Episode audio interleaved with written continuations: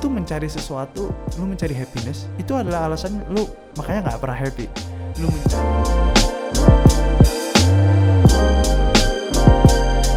If everyone is as happy as we are right now 24/7 gitu loh. Just imagine that how life will turn out to be. Dari dari dari simple simple.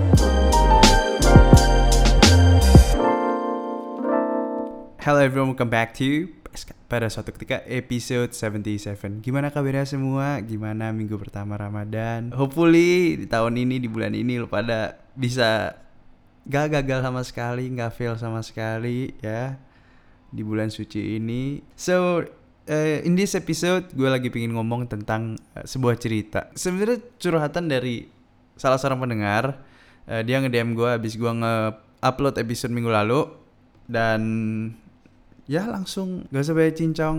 Aduh men keep it simple ya this episode. Moga-moga pendek. Kayak dia DM lumayan panjang sih. Gue percayain ya. Uh, Ko Andreas thank you buat podcastnya kali ini. Ini reminder banget buat aku. Bahas tentang kebahagiaan dong kok hehe. Oh, terus kayak gue ngomong oh kebetulan banget gue udah kehabisan topik. Terus kayak gue tanya which part of like happiness that you are. You want me to talk about ya kan? Mungkin gue bisa relate or I have a story about it. Kan gue juga nggak tahu kan? Kebahagiaan it's a very wide uh, very apa sih kayak vast topic yang gue nggak bisa explain uh, dari sudut pandang yang mana gitu. Uh, terus oke okay, oke okay, it's a very interesting topic. Uh, let me brainstorm dulu ya. If I can find a story about about that. Hehe thank you. And then suddenly dia malah cerita semuanya. And thank you so much. Gue gue gue gue jujur aja udah kehabisan topik cuy. Uh, feel free to DM me kalau pada pingin denger gue pingin ngomong apa. Uh, jadi dia ngomongin nih dia cerita ya. Oke. Okay. uh, mungkin definisi kebahagiaan orang itu berbeda-beda. No I totally agree in that. Uh, soalnya entah kenapa ya menurut aku apa aku cuman aku doang yang ngerasain kayak atau berapa orang lain juga apalagi di masa udah mau semester akhir ini mau mulai nyusun skripsi oke okay. entah itu ngerasa tidak sesuai passion dengan jurusan yang dipilih terus dia tulis dalam kurung berarti jika itu memutuskan untuk berpindah ke bidang ke bidang yang kita pilih akan ada keraguan yang kita korbankan. Oke, okay, true. And then suddenly dia ngomong, entahlah kok ditambah punya masalah pribadi lagi dengan keluarga atau pasangan kalau punya. Uh, oh, jadi punya nggak nih? Sebenarnya gue bingung. Uh, but yes, lanjut. Uh, gak tahu kenapa ya. Mungkin uh, koko juga pernah cerita juga kayak ada koko ada ribut sama mama koko apa mungkin ini sama dengan posisi aku gitu kok? Atau dude I I honestly not gonna lie gue gue tuh denger kata kau tuh gue rada cringy somehow. Gue kayak uncomfortable banget ada orang manggil gue aku I I don't know why it feels so weird. Uh, terus lanjut lagi. Um, karena ada hal yang kita inginin yang udah lama nggak bisa wujud wujudin karena ada larangan orang tua juga.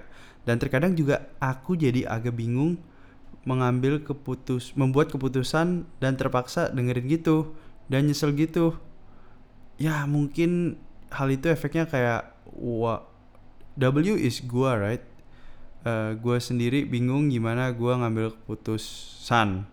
Karena tanpa gua sadari alam bawah sadar gua gua harus mempertimbangkan banyak gitu. Meskipun hal-hal kecil. Kok Nah, gue mau jadi, gue mau kasih contoh, gue mau kasih contoh uh, kejadian yang terjadi di hidup gue, oke? Okay? Kayak gue selalu sekolah selalu ya pernah di sesuai tempat yang gue mau. Uh, dan sampai gue kuliah pun awalnya gue mau kuliah di bidang arsitektur dan desain. Dengan terpaksa gue nunggu satu tahun gak kuliah. Dan gue ambil jurusan pun ke fakultas bisnis, itu pun gue ragu. Awalnya gue mau ngambil bisnis administration, dan akhirnya gue pilih uh, accounting. Setelah gue jalanin di tahun pertama di semester ketiga rasanya mau pindah. Tapi nggak bisa pertimbangan karena ortu yang udah biayain kuliah kan. Uh, makin ke sini dan gue juga magang kok kerjanya kayak gini-gini aja ya. Dan pertimbangan gue untuk apa gue harus putusin sekarang? Dan pertimbangan gue apa oh sorry salah. Salah tone ya dan pertimbangan gue apa gue harus putusin sekarang? Untuk explorer untuk explore maksud dia untuk explore hal yang lain uh, jadi nggak yakin sama diri sendiri kok lama-lama. Diri gue sendiri mau liburan sendiri pun nggak pernah bisa kok. Kayak gue mempertimbangkan kayak bakal buang-buang uang aja nih. Karena mikirin kondisi keuangan orang tua juga. Maaf jadi curhat. Ini, ini the more you know you know. The more you know. Biasanya yang suka manggil Kohamace itu biasanya orang-orang luar Jakarta. I, I guess Bandung juga kayak nggak gitu manggil Kohamace deh I don't know correct me if I'm wrong. Uh, tapi kalau di Surabaya sih gue yakin kayak beda setahun gitu kita suka banget lah manggil Kohamace. There's one time temen gue tuh sampai naik ke gue loh kayak kenapa ya aneh orang-orang Surabaya tuh suka banget? Cuma beda satu tahun loh. Even dua tahun tiga tahun pun menurut gue panggil nama it's totally fine. Tapi kenapa mereka suka banget panggil uh, I don't know honestly I don't know. Tapi kalau gue bisa kasih hipotesa ya mungkin karena di uh, luar Jakarta tuh masih kental sama kayak kayak kayak you know kalau lu lihat-lihat film-film drakor gitu kan or Japanese punya culture kayak ada lu beda setahun senioritasnya tuh beda. Kayak ada kayak ada hierarki gitu loh di di sistem yang yang ada. But hey just call me by my name that's totally fine. But anyway thank you so much for sharing uh, the story with us right now karena gue juga ngalamin hal yang sama dulu. Karena kalau lu pada udah pernah tahu dari cerita-cerita gue ini exactly the same man. Kayak udah di tahun terakhir abis magang gitu kan. Abis magang ngerasa anjir ini kerjaan bukan gue banget coba. Asli bukan gue banget. Kan kan menurut gue menurut gue nggak nggak gue yakin nggak cuman gue dan uh, di siang lady di siang woman yang yang punya masalah yang sama. Gue yakin itu banyak orang lain luar sana yang punya hal yang sama. Karena emang sistem edukasi kita itu emang rada rada jelek in terms of college. Kayak di kuliahan itu harusnya nggak nggak kebatas gitu. Nggak nggak nggak terbatasi oleh waktu. Gue pernah bahas sih di podcast gue episode sebelumnya kayak kalau di kuliah luar lu bisa ngambil 7-8 tahun and no one fucking cares about it. Yang lu bisa pindah-pindah dan unitnya pun transferable jadi lu nggak ngulang dari awal 100% lu paling cuma ngulang setahun dua tahun. But well I guess that's the country that we live in right now. Itu udah edukasinya. What can we do, right? And and sebelum gue masuk gue jelasin dulu lagi. Lu gak akan bisa kayak ngomong kayak oh kayak orang tua gue terlalu ngatur gue. Uh, kayak orang tua gue ngebatasin gue dan segala macam. The thing is like kita di Asian culture emang itu udah adatnya cuy kayak if you make mistakes bonyok lu pasti dibawa. Siapa sih orang tuanya? Ya kan? Kalau lu bule itu mereka they don't fucking care. Abis lu udah 18 tahun lu tuh kayak dilepas mau anak lu bunuh orang mau mencuri mau anak lu jatuh miskin ya orang tuanya bakal care orang tuanya bakal sedih bakal bantu segala macam but other people gak ada hubungannya sama orang tuanya. Ngerti gak sih maksudnya? Kayak jadi mau nggak mau orang tua lu juga cara dia menjaga nama baik dia adalah menjaga nama baik anaknya. Jadi, everything that you are going to do, ya kan, sampai lu mati, sampai orang tua lu mati, itu adalah lu bakal somehow ada hubungannya sama orang tua lu. Jadi orang tua lu bakal take care of you sebisa mungkin menurut gambar dan rupa dia. Uh, I guess you have to play that game because that's already the culture itself. But hey, I've been there. I know what you feel.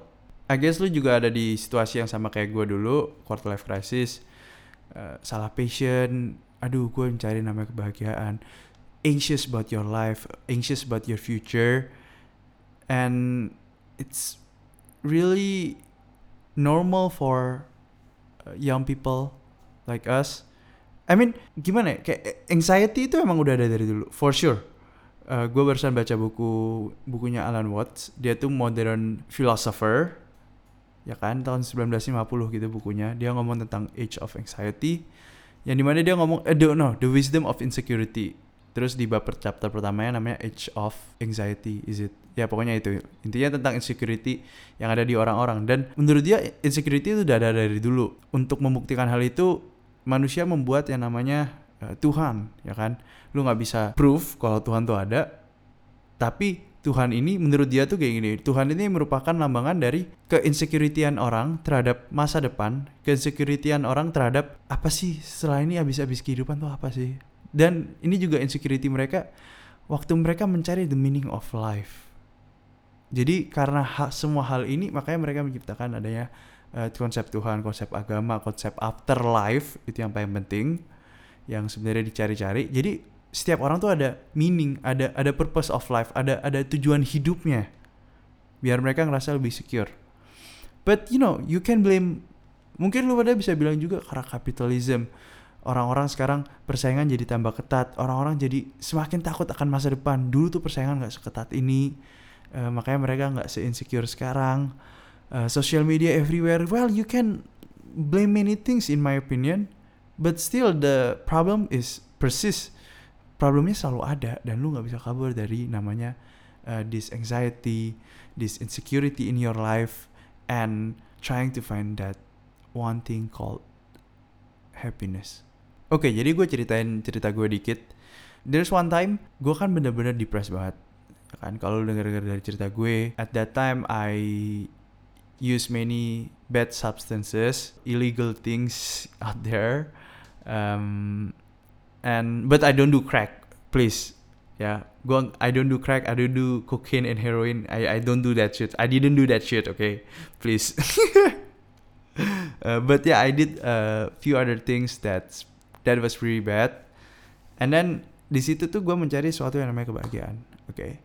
kalau pada pengen tahu when I try that when I was so fucking high itu tuh sebenarnya yang gue rasain apa sih for those of you yang nggak pernah cobain uh, dan gue harap nggak bakal coba itu tuh rasanya waktu lu ah, itu happy banget. Karena kenapa? Karena your serotonin itu tuh being burn sama that that thing ya kan? That thing uh, yang ngeburn serotonin lu yang malah bikin lu happy. There you are lu dapat happiness. Right jadi itu kayak maksud gue simple banget loh kalau lu emang beneran if you're looking for happiness man itu itu simple banget loh. Kayak just use that thing then and you'll find happiness. Kayak even gue masih inget tuh there's one time temen gue sampai pernah uh, kita tuh lagi ngobrol kan we were so fucking high and then uh, kita tuh ngobrol di luar di teras waktu itu lagi winter di San Francisco yang itu kayak 0 derajat or minus 1 or 2 tapi karena badan kita anget parah ya kita ngobrol aja. And then suddenly dia ambil sebuah sebatang rokok dan gue juga ngerokok waktu itu. Felt great. Terus dia bilang ke gue kayak an an if you think about it ya what if we can feel this forever? Kayak imagine bro if everyone is as happy as we are right now 24/7 gitu loh Just imagine that. How life will turn out to be. Dari dari dari simple simple question itu aja gue mendapatkan sesuatu. Iya ya, kalau misalkan semua orang happy 247, kayak hidup tuh bakal lebih indah. But I know that thing would never happen. Karena kenapa? Karena ada limitation di hidup lo, ada limitation di otak lo. Uh, this serotonin tuh ada limitnya, itu adalah sebuah is it a hormone? Gue nggak tahu. Itu adalah hormon or, or or something in your brain yang bakal bikin lo kalau itu di burn itu bakal bikin lo happy. Itu ada kalau nggak salah ada tiga serotonin dopamin and bentar gue biar lebih valid jawabannya. Gue biar gue nggak asal nggak asal ngomong oh apparently itu hormon ada endorfin dopamin serotonin. Oke? okay? Nah, jadi ketiga ini tuh dia regulate makan lu, regulate your security, regulate your feeling of surprise and all good things, ya kan? Tapi ini ada limitasinya, hormon-hormon ini ada limitasinya dan illegal substances itu mereka ngebuat mainin di hormon ini yang bisa bikin lu lebih happy. Tapi kan, dan again, lu nyadar gak sih kalau itu tuh bener-bener ada batasnya? Kayak itu tuh nggak bisa lu tuh nggak bisa happy 247 dari situ aja lu udah tahu kalau misalkan happiness itu limited banget. Gue nggak tahu lagi kalau misalkan in 100 years 200 years gitu semua orang bisa ciptain itu hormon yang makanya setiap orang di dunia itu semua bakal happy. Man itu bakal serem banget sih. Kayak lu bakal happy terus 247 dan kalau lu happy 247 gak ada insecurity gitu menurut gue juga lu gak bakal ada perubahan di dunia ini ya dunia stuck aja semua orang happy doang. And then semuanya ketawa-ketawa doang feel secure nggak mau gerak. Ya udah pokoknya gue gini aja. Karena kadang insecurity juga yang ngebuat orang untuk belajar gitu belajar untuk bisa accept diri dia belajar untuk grow as a person. Dan itu serem banget ya sih kalau misalkan semua orang bisa happy semua orang bisa kayak biochemistry bisa ngebuat uh, biochemist bisa ngebuat semua orang happy 247 gila cuy itu end of the world anjir. But anyway balik lagi balik lagi oke. Okay. yang yang yang gue tahu nih ya kayak kayak kalau lu nyari definisi happiness lagi happiness tuh sebenarnya gue pengen lu ngeliat happiness tuh dari sisi dari sisi biologi gitu ya uh, kalau lu ngeliat happiness lagi happiness sendiri itu kayak lu tau gak sih kalau lu sebenarnya ngerasa let me think of an example let's say lo lo menang undian ini ya undian apa sih yang bisa di mall-mall uh, undian menang mobil gitu. Lo dapet mobil dan lo happy ya kan? Pastinya siapa sih yang dapat mobil gratis happy nggak happy? Uh, terus let's say lo makan di sebuah restoran yang terkenal banget dan waktu lo makan lo bener-bener food gasm as fuck yang bener-bener kayak oh my god gue nggak pernah ngerasain makanan seenak ini. Oke. Okay. lu sebenarnya tahu gak sih kalau happiness itu sebenarnya sama aja datang dari hormon yang sama. Yang bikin lu tuh uh, happy yang bikin lu seneng. Itu tuh sebenarnya sama aja cuy. Nggak ada bedanya. Makanya bener juga kayak itu tuh jawaban gue semua ini itu. Kalau lu misal mau cari happiness sebenarnya happiness tuh cuma dari hormon doang. Ngapain perlu lu cari ya? Makanya kalau misalkan lu anjir gue masih banget kalau misalkan habis uh, we did a bad thing gitu ya. Gue masih ingat banget besok ya itu semua pada di rumah semua pada nggak mau gerak semua pada nggak bisa makan. Karena serotonin itu juga ngatur appetite makan lo apparently. Uh, jadi makanya makanya kan makan eh, apparently makan dan happiness itu ada korelasi. Dari situ dari situ tuh juga ada hubungannya hormonnya itu sama yang ngatur cuy. Nah jadi uh, itulah yang gue cuma bisa jelasin tentang happiness itself. But you know, let's say you want find happiness and security. Mungkin lu dengerin podcast gue sekarang dan lu ngerasa kayak this is not the answer that I want here. Ini bukan jawaban yang gue pingin dengerin. Gue pingin dapetin happiness itu secara natural. Oke, okay, gue jelasin. Oke, okay, kalau lu masih berpikir mencari happiness itu adalah sesuatu yang yang mungkin bisa lu lakuin dan gue udah jelasin secara biochemistry aja lu nggak bisa ngelakuin itu karena keterbatasan hormon-hormon yang ada di otak lu dan abis lu abis let's, let's say dopamin dan uh, serotonin dimainin gitu kan and then suddenly lu naik lu happy suddenly bakal turun lagi karena ada limit let's say lu nggak mau dengar jawaban itu oke okay. gue jelasin nih di sebuah buku yang tadi gue baca yang gue bilang bukunya Alan Watts gila ya kira-kira ini podcast gue tuh selalu ada buku yang related karena gue saking nganggurnya cuy. Makanya gue setiap kali gue prepare podcast gue baca buku ya dulu. Sabi nggak lo tiap minggu satu buku gue. Oke jadi di buku itu tuh Alan Watts ngomong tentang namanya adalah backwards law. Oke backwards law itu gue pernah jelasin kalau nggak salah namanya reverse effect apa gitu. Itu gue pernah gue ada di PSK podcast punya highlights gue masih ingat itu. Gue taruh di highlights jadi lu pada bisa check it out tapi gue jelasin lagi. Jadi di situ tuh ngomong gini when you try to stay on the surface of the water you sink. But when you try to sing you float. And that insecurity is the result of trying to be secure.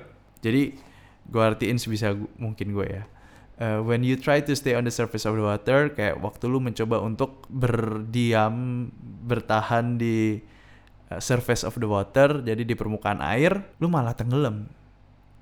Tapi waktu lu malah pingin tenggelam lu nggak nggak nggak tenggelam cuy. Lu malah apa sih ngambang gitu di tengah-tengah air dan antara permukaan dan tenggelam. Dan dia bilang itu loh insecurity itu adalah hasil dari lu mencoba untuk secure sebenarnya. Dan sebenarnya quote yang gue punya ini di quote lagi sama Mark Manson. Mark Manson itu dia pengarang buku Serial Art of Not Giving a Fuck. Pasti lu pada udah sebuah seni untuk bersikap bodoh itu bersikap tidak bodoh ah pokoknya lu pada tahu buku itu bukunya warna orange dia dia dia basically ngomong kayak gini the desire for a more positive experience itself is itself a negative experience. Jadi ngomong keinginan lu untuk mencari pengalaman-pengalaman positif itu sebenarnya sebuah pengalaman yang negatif. Dan paradoxically, the acceptance of one's negative experience is itself a positive experience.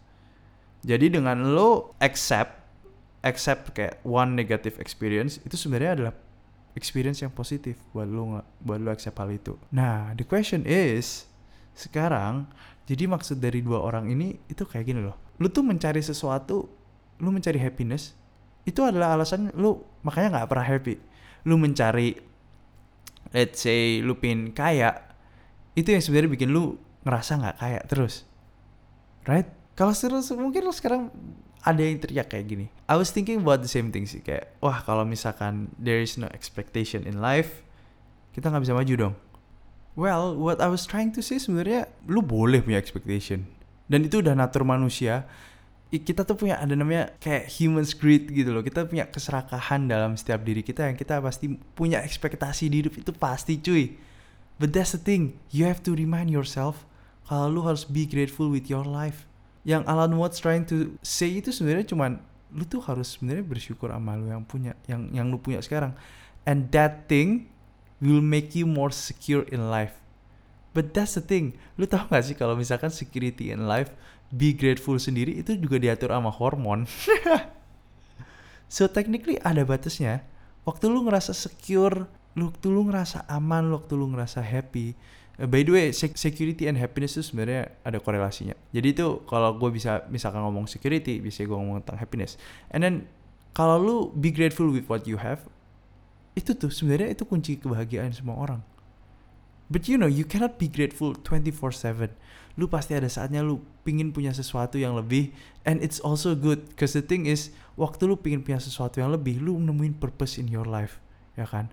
But don't that thing don't let that thing that expectation yang lu compare diri lu sama orang lain jadinya ya kan? Yang harusnya lu compare sama diri lu yang kemarin not you not you and other people karena startnya nggak pernah sama. Itu yang gue selalu omongin. Itu take over your life. Yang menurut gue itu loh biasanya salahnya orang tuh di situ. Uh, having expectation. Kalau gue grateful berarti gue nggak ada expectation in life. Berarti gue nggak bisa berkembang. Nggak mungkin. Karena kenapa? Lu pasti berkembang karena karena bukan lu masih berkembang sih. Maksud gue kayak lu pasti punya expectation in life. Dan pasti ada saatnya lu pasti compare diri lu sama orang lain. Itu juga udah natur hidup tapi waktu hal itu terjadi, please remind yourself to be grateful with what you have right now. So yeah, I guess that's it for the podcast today. Damn it, panjang banget ya. Uh, but yes, um, basically, ya, yeah, ya, yeah, gue selalu percaya happiness itu adalah ya, ya sebenarnya semuanya diatur sama biochemistry sih. Uh, itu diatur sama otak lu doang. Don't think too much about it. Don't try to find it. Karena sebenarnya itu udah ada. Just be grateful with what you have right now uh, gak usah terlalu dipikirin. And for you my dear listener gak usah takut karena lu ngerasa gak secure karena semua orang juga ngerasa gak secure in their life. And it's part of our life aja sebenarnya sih.